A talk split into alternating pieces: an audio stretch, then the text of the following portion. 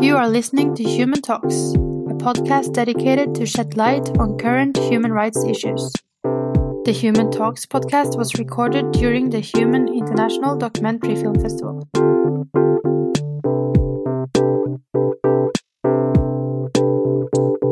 Good evening. Thank you. Evening. And to you as well. At least they're smiling. Yeah. Let me introduce to you Rehad Desai and Fasiha Hassan. Perfect. Uh, Rehad has made, some of you have already seen the film, Everything Must Fall. Uh, and we're going to dig into the background, etc., just now. You are one of the key players in the film because you were one of the founders of uh, Fees Must Fall, the Fees Must Fall campaign and movement in South Africa. Now, I've been waiting to welcome you to one of the few countries in the world where education is free. You're aware of that? Just Huh? about. Hmm? Still, still free. Just still, about. still, and actually, very often in South Africa, I hear reference to Norway being one of the few sort of socialist countries left in the world, and it's administered by yes, an alliance, but dominant party, Conservative Party, and no one really questions the fact. Well, that is a slight exaggeration, but for in a sort of South African comparison, there's relatively little questioning of the free education system. Um, now, 2019, I'd like to actually start here. Um, there's protests going on, and at the same time, there's a well, it looks big from the outside. State capture investigation going on into corruption and into all the links between the politicians and um, business people. Let me put it like that. And the reason why I'm thinking about that, and I'd like to hear your thinking, is because in the film and in reality, when, when you've been active in Fees Must Fall, we very often hear South Africans saying there's not enough money, and uh, Habib kept referring to state just gives us so and so much, so therefore, you know, we cannot do more than what we are doing, which was very little, actually. Um, and at the same time, this poor country of ours, because it's actually a bit mine as well, has loads of money to put in individual pockets. I mean, that's basically what is Exactly. coming out. So, protest and state capture, corruption. Yeah. Maybe I should. What is your, can you give us a, is that a correct summary? What is your thinking around where you are now? Yeah, I think I think that is unfortunately a, a fairly good summary um, of of what's going on. Um, I mean, South Africa, unlike other African countries, does have a lot more opportunity, and we have a lot stronger of an economy. Um, but we are also victim to severe corruption um, and maladministration and leakage. I mean, now that uh, state capture, and for those who don't know, it's basically like an elaborate network uh, of family or a family who was influencing governmental policy and decision and even uh, ministerial appointments. I mean, this is like serious stuff. They were really affecting essentially executive decisions in the country. And so now that it's coming out um, and it's starting to get quantified, like the actual amount of money lost uh, by the South African economy, it is more than it, it's beyond what we even need to fund free education. And something like that for a young South African, a so called born free South African, is beyond unacceptable because we get told, you know, we're being shot at by police, um, there's all these issues, and we're told there's no money, there's no money in the fiscus, you're going to collapse the economy, you're going to collapse higher education. And yet there is money. It's like you said, it's, it's being pocketed by, uh, by corrupt politicians and by people linked to these same corrupt politicians. Um, so I think there's huge, huge issues, uh, but we, it'll be interesting to see now with the new administration whether anything will really change. Yeah, I think No, it, it, yeah. it, it, helped power the protest because young people, you know, South Africans generally, people generally, are not sh- as stupid as our politicians like to think we are.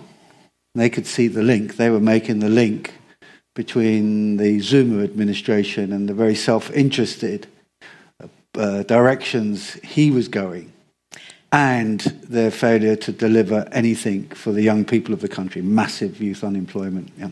But can I challenge you a bit on that? Because yep. yes, the Zuma regime was was definitely the worst, but it came from somewhere. In my head, corruption started under Madiba, then it it developed under Thabo Mbeki, and then it imploded under Zuma. Uh, it wasn't it, it it wasn't new with Zuma.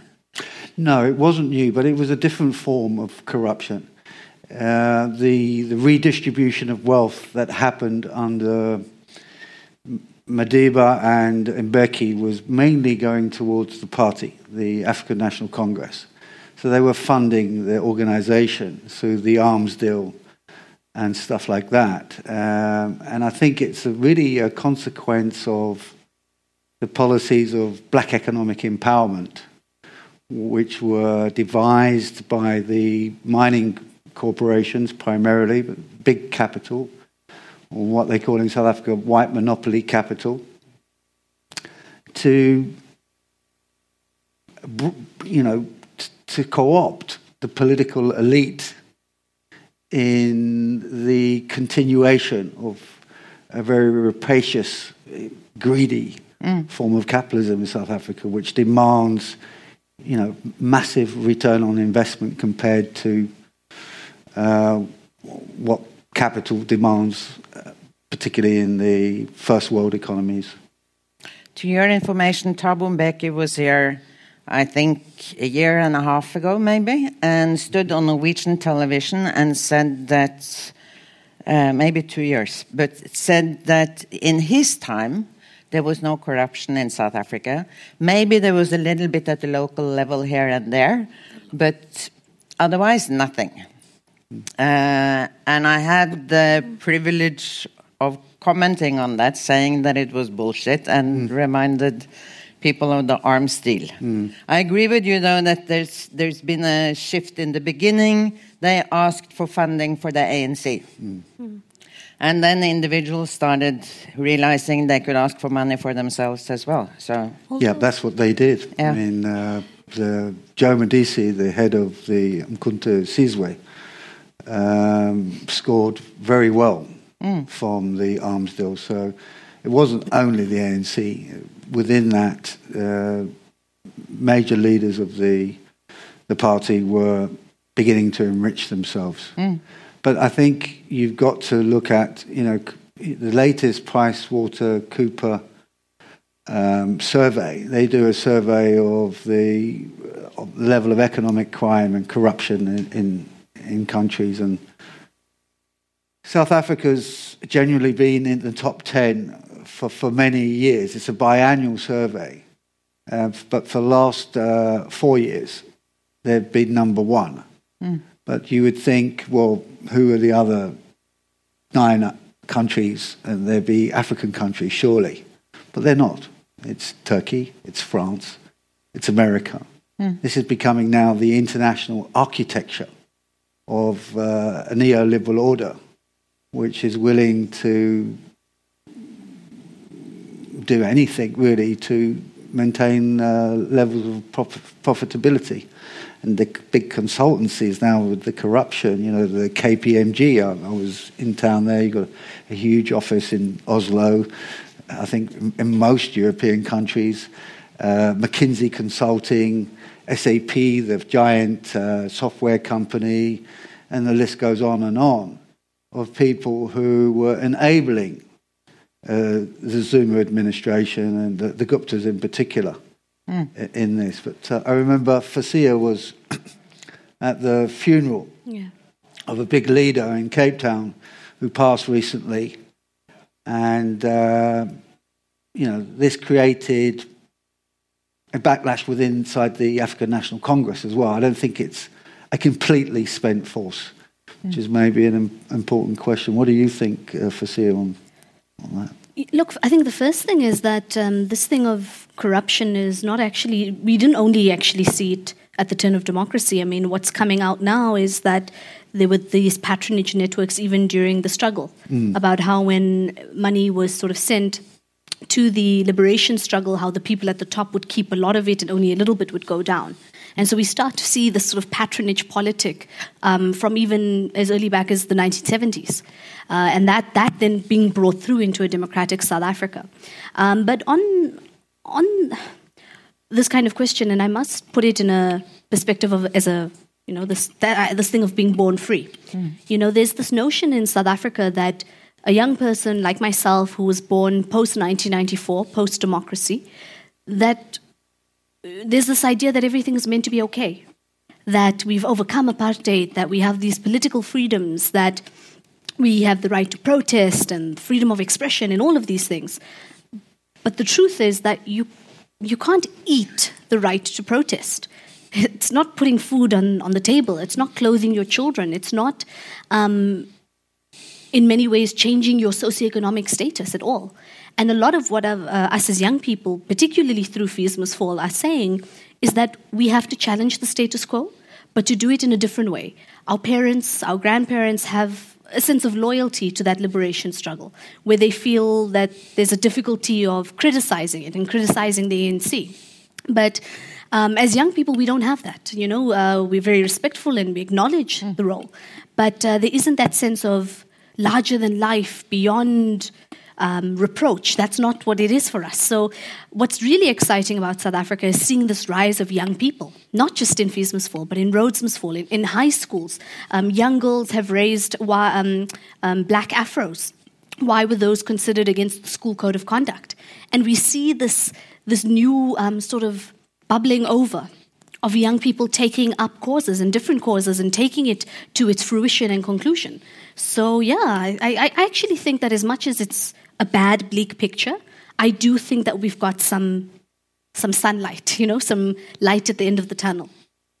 Tell us a little bit more about the kind of movements uh, emerging. I've seen some of the statistics um, from the trade union movement, for example, where even from five, six years back, a majority of union worker, uh, union unionized workers and shop stewards said that they expected violence to be part of strikes, and they expected even that violence would give the best results. Um, so the whole character of of struggles in South Africa has also changed. It's much more. Um, it's much harsher. And I think that may be a surprise for people who didn't maybe know the struggle of the old days, because yes, there was a harsh police, but the struggle that mobilized and marched in the streets in the 80s and early 90s had peace marshals. It was very, very tightly controlled, primarily because we knew that that would give power. Mm. If you could, dis- if we showed discipline, that mm. would give a very strong sign. Now it's all it's all different. Maybe because there are less organizations or There were many elements of Fees Fall that were organized, and you know, especially in 2015 in the early days. Um, but what we are seeing in, in South African discourse is this this idea of having to burn something to get listened to. Um, even service delivery protests, even uh, local government protests. Very often, the only time media goes to cover the protest or um, people only listen when there's some form of fire or some form of destruction. And what we've also had to call out in South African society is why do we only listen when something is that extreme? Why are we not listening before it gets to that point? No one's no one burns a building for fun. I mean, I, I don't, okay, I suppose they are arsonists, but the point is, no one reaches that level of desperation because this was the first point of call. It's because we also need to, and, and I mean, we've said this to South African society, we also need to change our approach and listen um, to, to, to poorer communities who say, well, I don't have access to sanitation, I don't have access to healthcare, um, instead of waiting for them to burn a tire in the middle of the road. Um, so I think that, that that's the one thing. But the other thing is that in any social movement, the larger it becomes, the more difficult it becomes to control. And so we would have mass meetings. I mean, Rehad, you were, you were there. We tell people, you know, we condone, we condemn violence. Uh, we don't condone it. Ensure that you you carry yourself with the highest discipline, you know, high morale, high discipline, that kind of thing. And yet there would still be people there on the side, caucusing, going to throw rocks at the police. Um, and, and there was a huge difficulty of, of trying to say, well, the students we represent, the majority of them were genuinely pro, uh, peaceful. But then there were these groups mm. that were like almost vigilante groups, and, and how their actions were imputed onto us, and, and also intentionally so, to make us look yeah. unreasonable. Mm. I think that there is that question where the state security, uh, through a lot of money, attempt to destabilize the movement. Um, 33 million rand was spent. Uh, they, it was euphemistically called lunch money, that people were given lunch money. Mm. Um, you know, there was lots of money spent on monitoring social media, Twitter and Facebook and so on, which was used as a tool to organize people. But I do think the the critical question here was uh, there was such a big gap between our generation of anti-apartheid activists who had the experience of mobilizing and mm. how you run a meeting and you know democracy and how things how you maintain your mobilization and the power of numbers and the question of violence that you know violence is only morally defensible uh, when uh, you can only morally justify violence when you're defending your right to protest or defending your right to assembly and freedom of expression and so on. That memory, in many ways, was lost because there was so many years between the, the generations. Uh, there wasn't a, a, generation in between the 20 year olds and the 50 year olds. So, and that was part of the reason why, you know, the, the film became important because I, you know, we were trying to do something where people could reflect on, on strategy and tactics because really, if you're going to take on the state, you need to make sure you've got an army behind you. The, the, the, the argument of many anti apartheid activists was well, why are you demonstrating in this way? Because it's a democratic state, it's a legitimate state, it's not the state that we had to fight against. Uh, and therefore, any sort of violence is not justifiable. Uh, and I think this is where the, the, debate becomes nuanced because every time I ask the student about the question of violence, the first thing they would say is they're not opposed to violence per se. The violence, the real violence, is the structural violence, mm. is the violence of the market, which um, ensures that we remain, uh, you know, downtrodden and oppressed. The the inability to eat, to clothe ourselves properly. But but I think maybe there's a couple of other explanations as well to why our generation doesn't react stronger, or you know, the the parent generation in South Africa. Partly, I think, which you are highlighting in the film as well uh, they're afraid that their kids won't get the education, so they keep quiet and they try to sort of rather convince you know your friends you to go to university and rather shut up so you you mm. get an education. So that's obviously uh, an argument for some, which is understandable as well. Um, and then I think some of those who were active in the, the struggle in the old days and now see their kids uh, at university, I think some of them are also ashamed, actually. Ashamed not about their kids, mm. but about the fact that, that we, we didn't this. manage to yeah. do it better than this. Yeah. You know? Yeah. Uh, I mean, I must say, and I'm sure there are, are some in the audience as well, having seen the film, recognizing someone, you know, people we've met before. I met Blade Nzimande, Minister of Education, oh. head of Communist Party, by the way. Um, and fair enough, you know, communism in South Africa is different from communism here. I mean, it's it's it would be at best somewhere in the middle of the political spectrum here. Mm. Uh, in in theory, in practice, it's it's something totally different. So he's head of the Communist Party, is the Minister of Education, and he's sitting there and saying that you should not be allowed to protest in a democracy, and it's fair enough to send the police and the you know.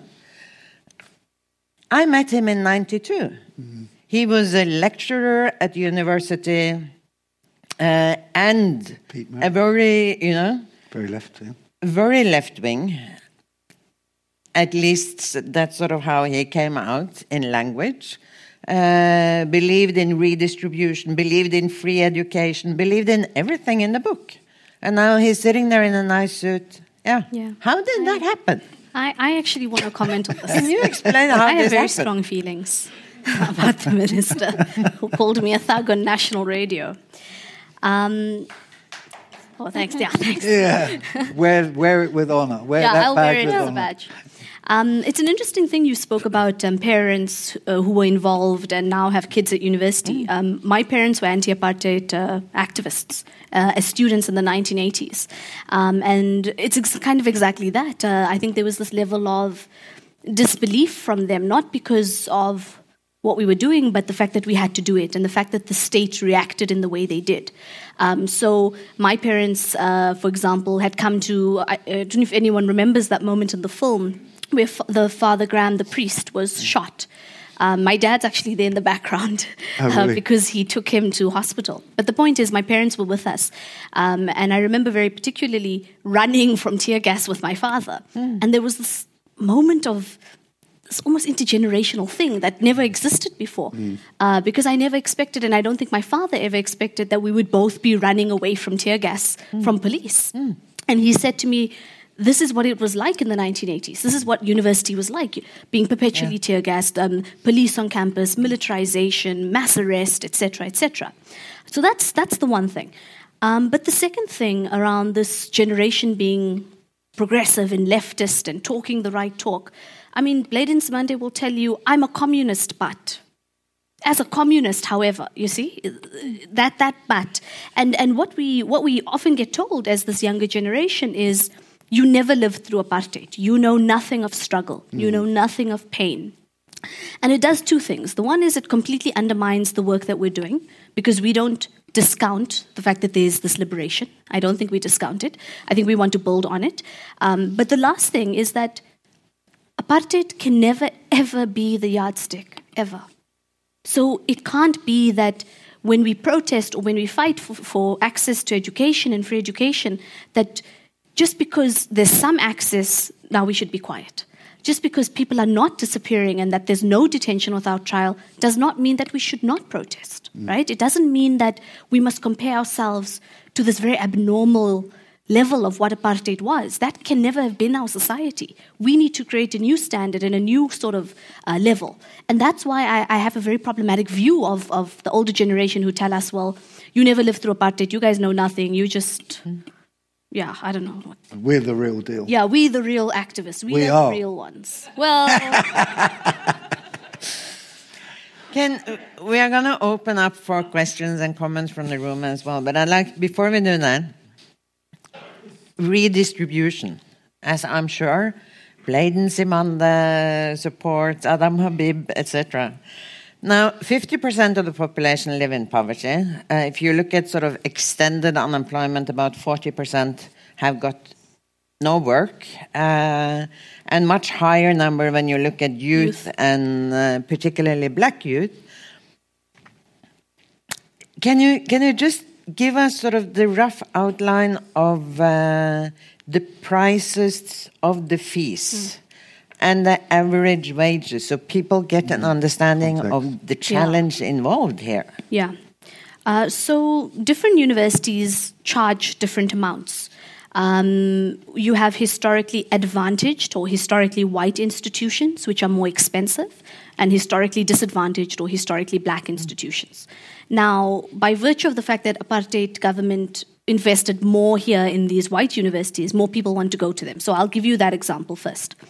The university that I go to, it's going to cost you on average um, around 100,000 Rand, which is about 66,000 Norwegian kroner a year. Yeah. That excludes textbooks, it excludes your groceries. It does, however, include basic, basic accommodation, very basic.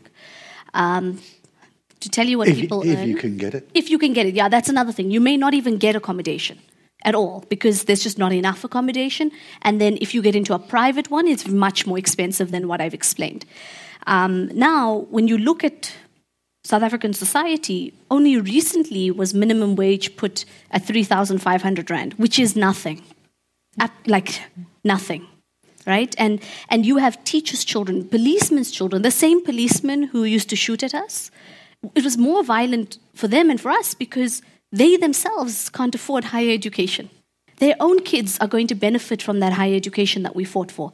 And yet they were shooting us. So, I mean, you, you get an understanding that only a very select privileged group can actually afford higher education in South Africa. Mm. And the other problem, just before I close, is that basic education in South Africa, it's very parallel. There's a public one and there's a private one. And as much as there's lots of access here on the public side, the quality is very, very poor. And it doesn't prepare you for higher education. So you've got kids who are coming through private schools, they have every opportunity, all the tuition, all the best teachers, mm. and they're competing for the same seat in the university. Now, what we're seeing is more privileged students getting accepted because if you only use academic merit, of course these people will get higher marks. So we're also having to relook at admission policy, for example, because that doesn't take into account the structural inequality of South Africa. That's it. I mean, just just to add there, I mean, the eighty percent of all university graduates come from twenty percent of the schools. So, you know, one of the arguments is, uh, well, really, these students, this demand for free, quality, higher education for all, is the wrong demand because what about secondary education? What about primary education? What about early childhood development? Uh, the creches? All these things are very expensive and actually highly profitable uh, because the, the, the public sector just is unable to deliver in a society where the where you have private um, A private sector on the side that attracts all the best teachers, exactly All the all the most resourceful Exactly. parents, etc. And it's the same for the health sector. You know, if the elite can opt out and go for the private, whether it's health, education, or whatever, we're always going to see in, in middle income countries like South Africa the, the, the depletion of, of the public sector, of the public good, um, because, you know, the elite, we're seeing the same with t- our television. It's terrible what's Every time South Africans suggest to nationalize something, I ask them if they can please start with the education system. Uh, and somehow, a lot of people don't think that is as sexy as nationalizing the mines, or you know, but it's far more important. Absolutely, um, absolutely. I mean, I think the the big question we have to ask ourselves in South Africa is is is it cap- are we capable? You know, we decided, for better or for worse, that somehow we could make South African capitalism a caring capitalism. This is what the National Liberation Movement believed across the spectrum. And uh, the Communist Party, with the fall of the Berlin Wall and so on, you know, the state led development was something that would always fail. Russia and the Soviet bloc, communism with a big C, told us that. What did you call it? Friendly capitalism. Caring capitalism. Is that what we call social democracy? yes, and we've seen what the state of social democracy is in Europe. So I mean, I mean it's under attack everywhere, even in your your your wonderful country, Norway. Um, you know, maybe the only thing that allows you to hold out is that uh, climate busting oil reserves you, you, you hold on to. I'm not Throw going to open shade. that one right now. There. I met a student, a Norwegian student, hopefully he's in the room, who's saying, you know, really inspired me that film. I think I'm going to try and get involved in the climate school strikes. I mean, that, uh, and I, I- I think this is the the big shift, really. You've got a new generation that have come out and really without all that baggage, as Fasiha was saying, about the blood that was spilt for the, the liberation movement, for the building of the trade unions, for the building of civic and community organizations. And they're in desperate need of an alternative, you know, and they're grappling, they're groping in the dark, like all of us are, for, for what that alternative is. Uh, and I don't think um, we have much hope unless we're willing to take from those who can afford to give. And what's happened in South Africa over the last 20 years is we've given. You know, we've, decre- we've decreased corporate taxation. Yeah. Uh, we've gone the other way with the rest of the world in some belief that this is a solution. Now, with 10 years of recession, these contradictions are just becoming starker and deeper and deeper.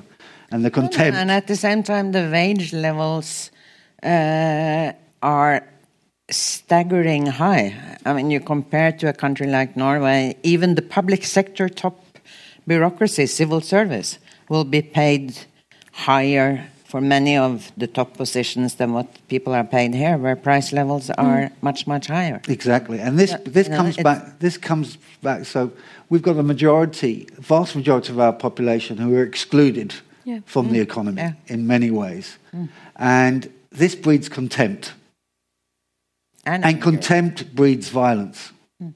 And of, the, the sad thing is that often this violence is a person to person violence. It doesn't matter whether you're white or black anymore. You've got something that I haven't. Uh, you, and you believe I'm not a person. I haven't got dignity because I've got nothing. Fuck you. I'm going to take it from you. And I'll, you know, I'll take some blood at the same time. That, that's the reality. Excuse my language. Before we open up, I've, I feel like I have to sort of, I have to tell you in all honesty that I'm working at WITS University. Well, I'm not working, but I'm a sort of visiting professor at WITS, and they don't pay me, so it feels a bit better now. Okay, Yeah? then we're okay. Yeah. So they can't sack you for what you say. No, they Well, can't but- either. No, but but that, that wouldn't be possible want, anyway. So, irrespective of whether I'd been paid or not. Academic freedom. Yeah, yeah. But actually, students come to classes if you know, to your information, out of desperation. If there's food, if there's coffee, Yes. uh, to get food because there's nothing for many of them otherwise. Yeah. Uh, I don't know if the people in the room know, but um, students are amongst the most food insecure in the country. And so at our institutions, we have feeding schemes um, because there are students who won't eat a meal in a day. And of course, how are you able, expected to perform academically if, if you don't have access to food?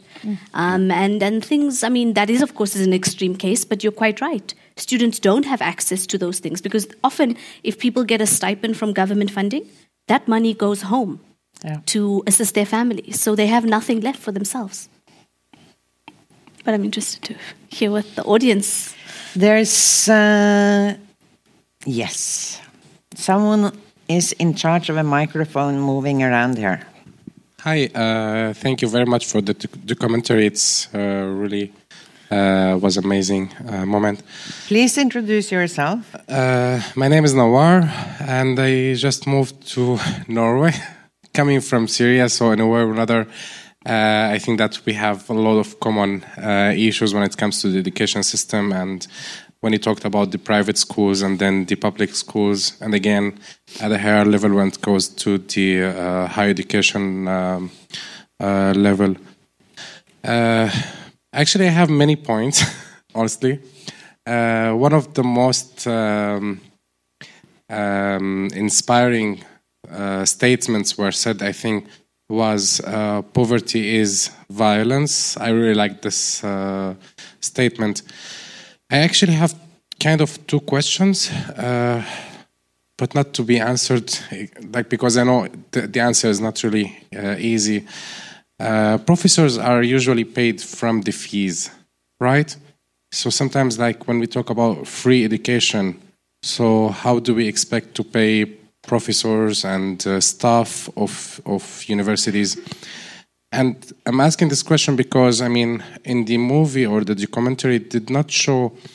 Uh, maybe I didn't maybe notice it uh, that there is some sort of plan uh, prepared by the students or the movements or action plan or kind of like proposal to be giving to the ministry of higher uh, education and like to show them like how this could be covered or like any kind of those uh, issues was mostly demanding demanding but there was no um, uh, something to show like in concrete that uh, you could debate on um, maybe I did not notice it, but uh, no, it wasn't there. But they did have a plan and yeah. foreseeable. Yeah, Syria, you, you, should have included it, man.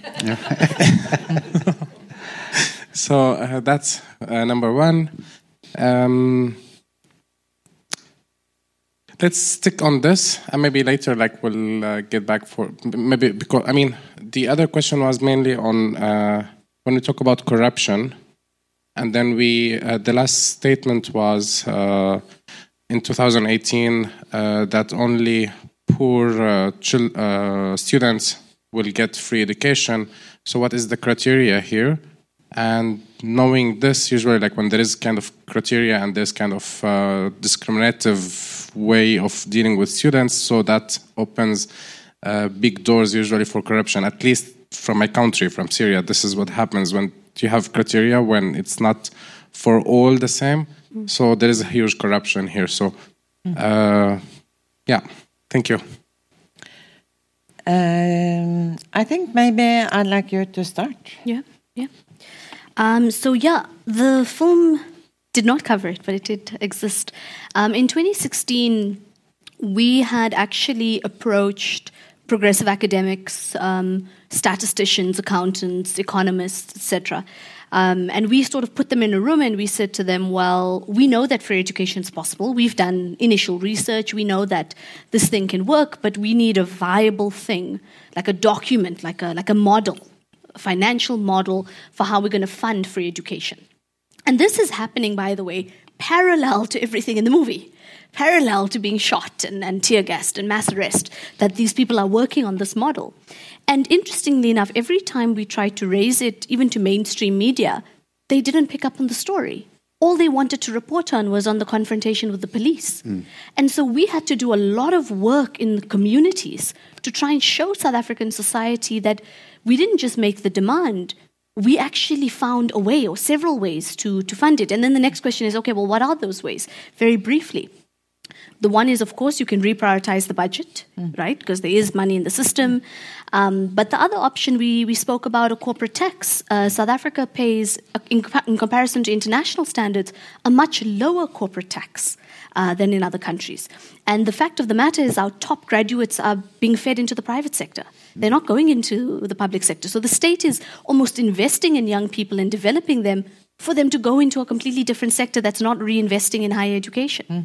Uh, we also spoke about um, Graduate, sort of graduate. exactly a graduate tax by uh, when when people reach a certain income group then they pay back. You know there were many um, options in fact that we presented to cabinet uh, and and to government. Unfortunately they haven't yet really implemented other than the reprioritization um, strategy they haven't really implemented much else. Raising VAT yeah, exactly. They've raised a value added tax, which is exactly what we said you should not do, because that puts the it burden on the poor. The poorest, exactly. Yeah. Whereas we were saying corporate tax, wealth tax, graduate tax, you know, for the for the higher margin of society. So yes, professors do have to be paid, uh, and in a free education model, I think we acknowledge there's no such thing as a free lunch. Mm-hmm. But our point is that students, particularly poor students, should not bear the brunt of having to fund higher education. Um, and then the last thing about the criteria for free education. Um, for anyone who's interested, people with a household income of under 350,000 rand, which is how many euros you did the conversion? Yeah, it's about uh, 260, yeah 300. 70,000? Yeah, euro a year. No, Norwegian kroner. Oh, sorry, yes, Norwegian krona. Right, thank you. um, under, under that amount, qualify for free education. But you have to have started first year in 2018 and you have to come forward. Government in South Africa does not know who qualifies, how many people should be qualifying. They don't have these statistics. So if you don't come forward and say, I qualify, here are my documents, you won't actually get free education. And so many people are actually not coming forward, like from rural areas, who would qualify, but they just don't know. So there's a lot of uh, a lot of issues with the implementation of uh, of free education.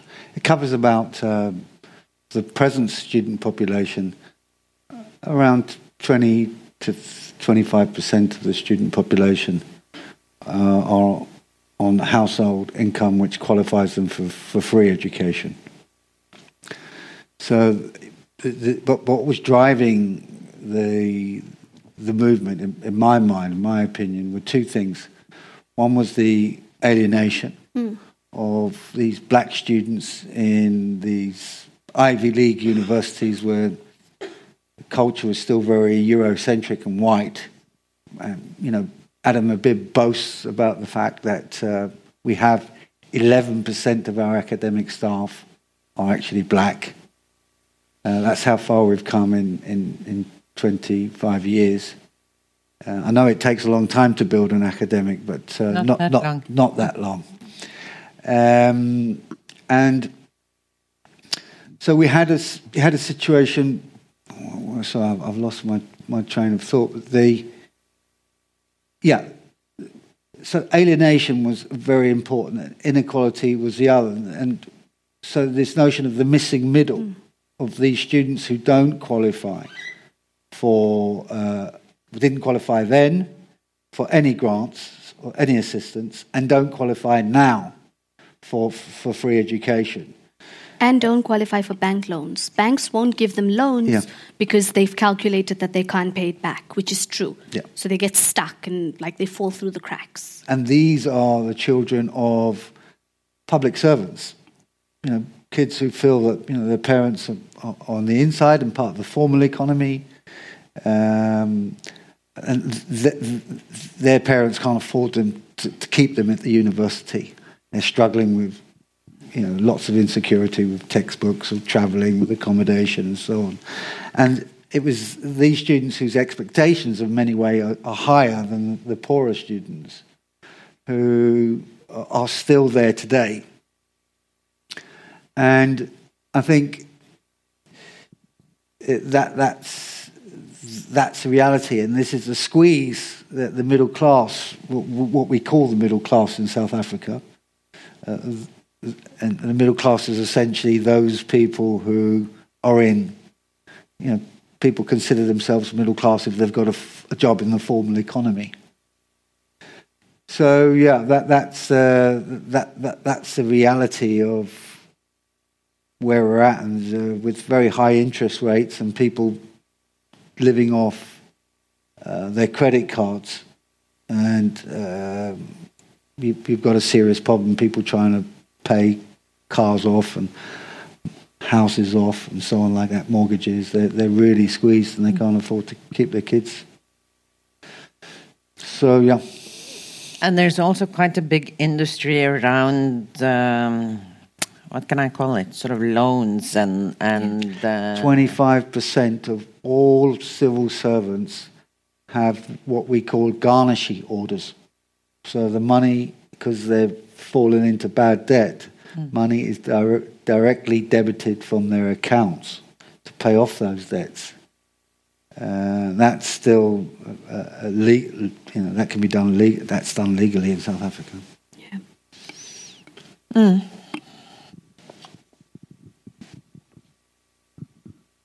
My name is Ingeborg. Uh, I used to work with Nawar on Syria and with Leave on South Africa, so there is a, a lot of links here. Thank you for the movie. Thank you for the organizing. Um, sorry for asking about another thing that's not in the movie I had, but I'm curious on the movement building side of things, Fasiha. Mm. Um, because what we see in the movie is surely the result of a lot of hard organizing work. Um, could you say a little bit more about how you did that and what were your main challenges in building a movement like this? Yeah. Um, you know, everyone thinks that the fight for free education started with Fees Must Fall, and that's not true. Um, historically disadvantaged institutions and those who were never in these elitist universities had for many years actually uh, been talking about how they couldn't afford fees, how it was inaccessible, etc. And you start to see this building of, of I suppose, the movement, you know. Um, and it's very important for me to acknowledge it because I don't think we would have been as successful had for the previous 23 years before that or 22 years before that had there not been that kind of push. So, yes, as student leaders, we did mobilize and we did conscientize the university community. I remember I was the head of the mobilization team, which was a very stressful uh, job because everyone looks at you and they're like, Where are the numbers? And I'm like, Yeah, I, I think I did my job. I don't know. Hopefully, people come. Um, and you know printing like we did we did a few things the first is we did the mainstream stuff of having flyers knocking on student doors speaking to as many people as we can hey this is what the increment's about this is what we want to protest for and by the way we didn't ask them to come to the shutdown we had planned a march actually on the 14th of October at midday during the lunch hour. And that's what we were mobilizing for, actually university management, no one except for the 10, 15 of us knew that we were going to go and shut down the gates. So that's the one thing that we did, the one mobilization element. The other mobilization element, which is interesting for now or now, is on social media. So we, Must Fall successfully did physical mobilization and online. And online was interesting because we used predominantly Twitter and Facebook. Instagram did come later, but that's more imagery. Um, and that was actually our main tool of communication. Um, it was how we told our story and how we got ideas out. And in fact, that's how it got named Fees Must Fall. It was a hashtag. You know, it started off with uh, Wits protest. No one knew what we were protesting for. So we're like, okay, Wits fees protest. I'm like, oh, it doesn't sound, you know, it doesn't have mm. that ring to it. And then this now is after roads must fall, and we're talking about fallism, and like, fees should fall. Fees will fall. Fees must fall. Yeah, and we're standing on the road. And me, Shaeera, and uh, some of the young comrades are like, yeah, we like the must. Yeah, it must, must fall. And then that becomes the hashtag. So we're hashtagging all of our tweets, fees must fall. And that became the name of the movement. Um, and how we were able to reach so many different people. So Fees Must Fall is particularly important because it mass mobilized so many different types or different groups of young people, not just activists and politically involved people, but like cool kids. It was a cool thing to come to Fees Must Fall protests, you know, and then hashtag about it later. That was not the intention, let me be honest, it was not, but it became something much bigger than what we expected. And it was also because we said, look, not everybody's political. But let's say you were Tweleb or you know you're a celebrity or influencer. Now that's what you call it, an influencer on social media. Uh, we would approach that person and say, "Look, this is what we're trying to do. We're about to release a statement. Please, could you help us get traction on it?" And then because they were doing that, other people who were following them, influencees. I don't know. Um, um, kind of said, "Oh, well, actually, this is something I also identify with." So there was both of those things happening at the same time that I think is particularly important and what we have not seen in South Africa. This, this is also why Fees Must Fall became a thing. Uh, no one had seen that kind of mobilization and also the ability to trend. We were very lucky and very able to, within five or 10 minutes of releasing our content, we were trending in the country. And it meant that we were able to influence the discourse and the narrative of what was going on in the outside world. Yeah, they're, they're really media savvy. Something you know, I wish I explored a bit more in the film was and this is why Fawzia gets it in the neck for you know winning the international peace prize and stuff. So she, she, you know, she's quite a high profile. You know, she, no bones about it. She's an ANC member, law supporter, activist, cadre inside the ANC. And then you have the EFF, which burst onto the scene, particularly on the campuses, uh, quite a force. But there were many, many youngsters who were tired of those sort of party politics, who came in fresh. and with the ideas from the Occupy movement, from uh, Podemos, from uh, Syriza, where there was alternative forms of democracy. And those of you who are old enough in the room, active in the 70s, will know that, you know, what powered these movements were the occupations, the marathon meetings. Mm. I mean, these meetings go on for eight, ten hours uh, constant debate and discussion and and um, a lot of tolerance and, and, and uh, new forms of building, which uh, was tremendously exciting. And that's where the you know the the, the black female voice comes forward, and the, the LGBTI and all, all, these other quite marginalised sections or groups of people who marginalised from the mainstream movement come in and, and really give the, the, the, the, movement a new flavour, a new character, uh, and breathe a, an important part of fresh air into the movement. And I think this is the problem uh, with why the movement didn't gel as, as it needed to. It didn't cohere because party politics are so important in South Africa, in that space, defending that space, defending your territory people, as soon as the hammer of the state comes in, people retreat back into their party political space. And, you know, we, we know what happens there. Okay. We have time for one more. Oh, hello. Uh, my name is Pashial Neskativi. Um, thank you very much for an incredibly impressive film and an incredibly um, impressive movement. Um, uh, I was very impressed by the solidarity, and one of the things that I haven't been discussed so much here was the uh, the the move also to engage the workers in the universities and the engagement in the the stopping the outsourcing, which is in a sense a symptom we see in so many you know large organisations that see that they can cut. They can, you know, can make savings in, in letting other people do that work, and it's a little bit, I think, also like the um, there was this really the, the, the minister of foreign so that, that I really thought that was that gave a lot of credit to the students.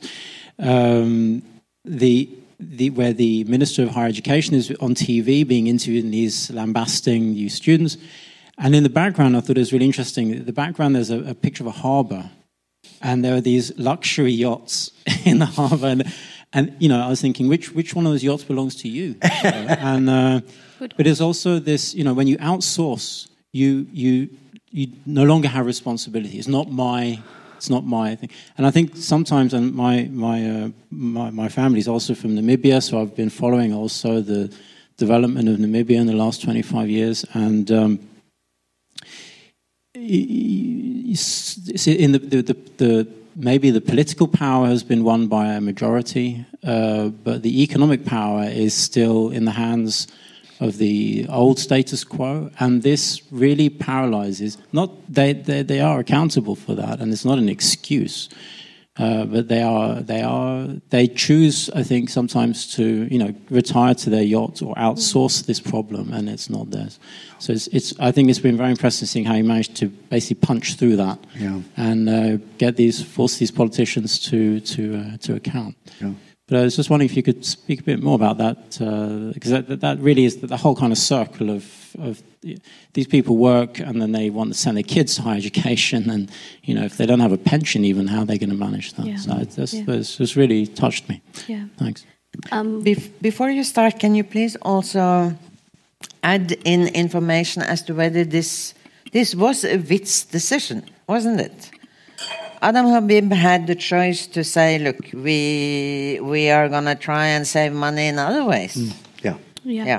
It was made. I mean, the, the uh, decision to outsource exactly. was made by a very well-known Marxist historian, South African Colin Bundy, and it was only someone of that stature who could get away with it. You know, these these exactly. big left wing academics, the ones who are able to justify it and push it through. Whereas if you put a right wing old dinosaur from the old regime there, they would never have yeah. succeeded.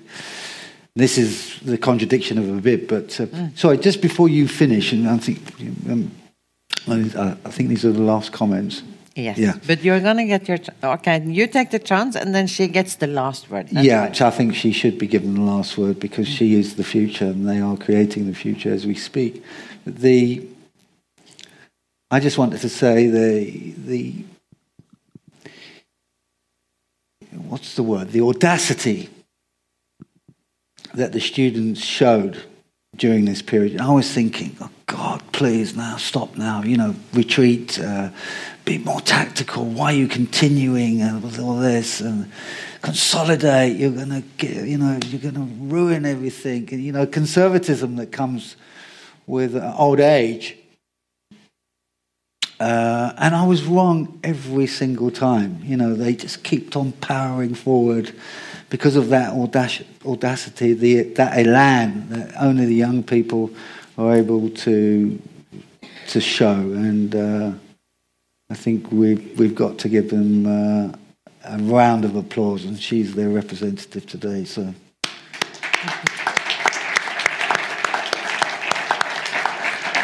Asiya? What I thought the film did quite well was talk about the link uh, and that um, sort of allyship between workers and students. Um, so before Fees Fall started, one of the big ways we were able to mass mobilize was also because of the workers' uh, October 6 um, um, work around uh, against insource, uh, outsourcing rather. Um, and it was particularly problematic because workers, even before this, would come to us and say, but we don't even have a voice in the university board. Could, please, could you put forward these particular issues? And we would do that, and often we were questioned. They were like, "Oh, but you don't represent workers. Uh, trade unions do." And we're like, "Yes, but they don't have any voice here. So of course we're going to raise it. Of course we're going to bring it up." And more importantly, it's because workers would come to us and say, "Well, I'm not being paid properly, or this particular racist incident happened, etc., etc." And when we raised it to the university, they were like, "No, no, but it's a third party." It's not us. It's that company. Go raise it. Like, what do you mean? It's on your campus. You can't. You can't wash your hands off the situation. I mean, this is injustice. This is not. It's illegal. You know. Um, and and then eventually we were able to sort of get them to do some stuff. But what I thought was was was what I thought helped in the fight against outsourcing was that Max Price, the vice chancellor of UCT, University of Cape Town. Yes, the University of Cape Town. I don't want to use the word buckle. I don't like that word. He agre- agreed to student uh, and worker demands around insourcing. And when he did that, it put a lot of pressure on WITS and a lot of pressure on the university currently known as Rhodes and all of these leading institutions. And it gave students and workers kind of a bit more bargaining power to say, but oh, but UCT did it. They can do They figuring it out. Don't tell us you don't have money because you know. And and and very. I mean, if you speak to them behind closed doors, they'll tell you they hated the fact that um, that vice chancellor said it because it forced them to act. Um, and that's why when we talk about this decision, yes, they did have a, a some agency in making that decision, um, but I do think that public discourse and public sympathy was so much on our side that there was almost no way they could have gotten away with it because of what we had raised and what we had put across. Um, and the last thing is that whenever we have any issues now, they're like, oh, fees must fall. Oh, outsourcing. All the money went towards that. Hmm. So now we can't even bring around genuine issues because they like to like throw that as a rhetoric. And that's a difficulty that student leaders are facing now. How do we take it to the next how do we decolonize? How do we fight patriarchy in the system when we keep getting told oh no but fees must fall. That, that's where all of our resources and money went to. Um, so i think that's that's going to be an interesting thing to watch and, and, and to see how the student movement responds to that. I'll, I'll, I will ask you a question. Are you going to have a last comment? You. No, I, I wanted to ask you a question. Oh, okay. You're teaching at WITS now. Yeah. Isn't that isn't it quite robust the the, the lecture space, uh, the teaching space there? You know, I must tell you actually that one of uh, when I was down last year uh, to teach, I gave a speech about the maximum wage, uh, arguing that yes, minimum wage is good. Uh, although I must admit, I do actually prefer it going through collective bargaining rather than legal action, but that's another issue. And I think it's embarrassingly low. yeah But what is needed is someone to do something with the top, because otherwise, uh, yeah, you're never going to have a chance to. We are never going to have a chance to repair, and the gap in itself is an added is an added problem to the fact that some people are earning less than the living standards uh, require. Yeah. And that sounded awkward, but I think you, you, you see what I mean. South, Af- South Africa is on top of the inequality. Uh, We have the highest Yeah. inequality in the world. and uh, we can talk long, all of us, about how embarrassing that is, uh, and how that was not meant to happen, uh, and why the hell a small elite can sit there and argue that this is democracy, so you know we do exactly what we want and put money in our own pockets. I mean, th- there's there's a lot to add to that, but. There's a growing anger, uh, which is understandable. And I wanted to end up basically saying that as long as this doesn't change, and it's not, uh, there are a few attempts to do something with the lowest uh, living levels and the lowest wages, etc. Small, tiny attempts to do something. But unless you do something about the top, and unless there's a real attempt to show moderation and and actually a willingness to build the country uh, and redistribute resources, there's going to be growing anger. There's going to be, I fear, a lot more violent protests because people are losing respect. And big, big credits to you who have actually already shown that it is possible to achieve a lot. And uh, yes, there were groups mixing in that had other agendas, uh, but your agenda was a peaceful one, and uh, and uh, that sets an example. Uh, and a lot of people will look back to that and and say to their comrades that look, it was possible to achieve things. So, Exactly. a big hand for both of them. Um,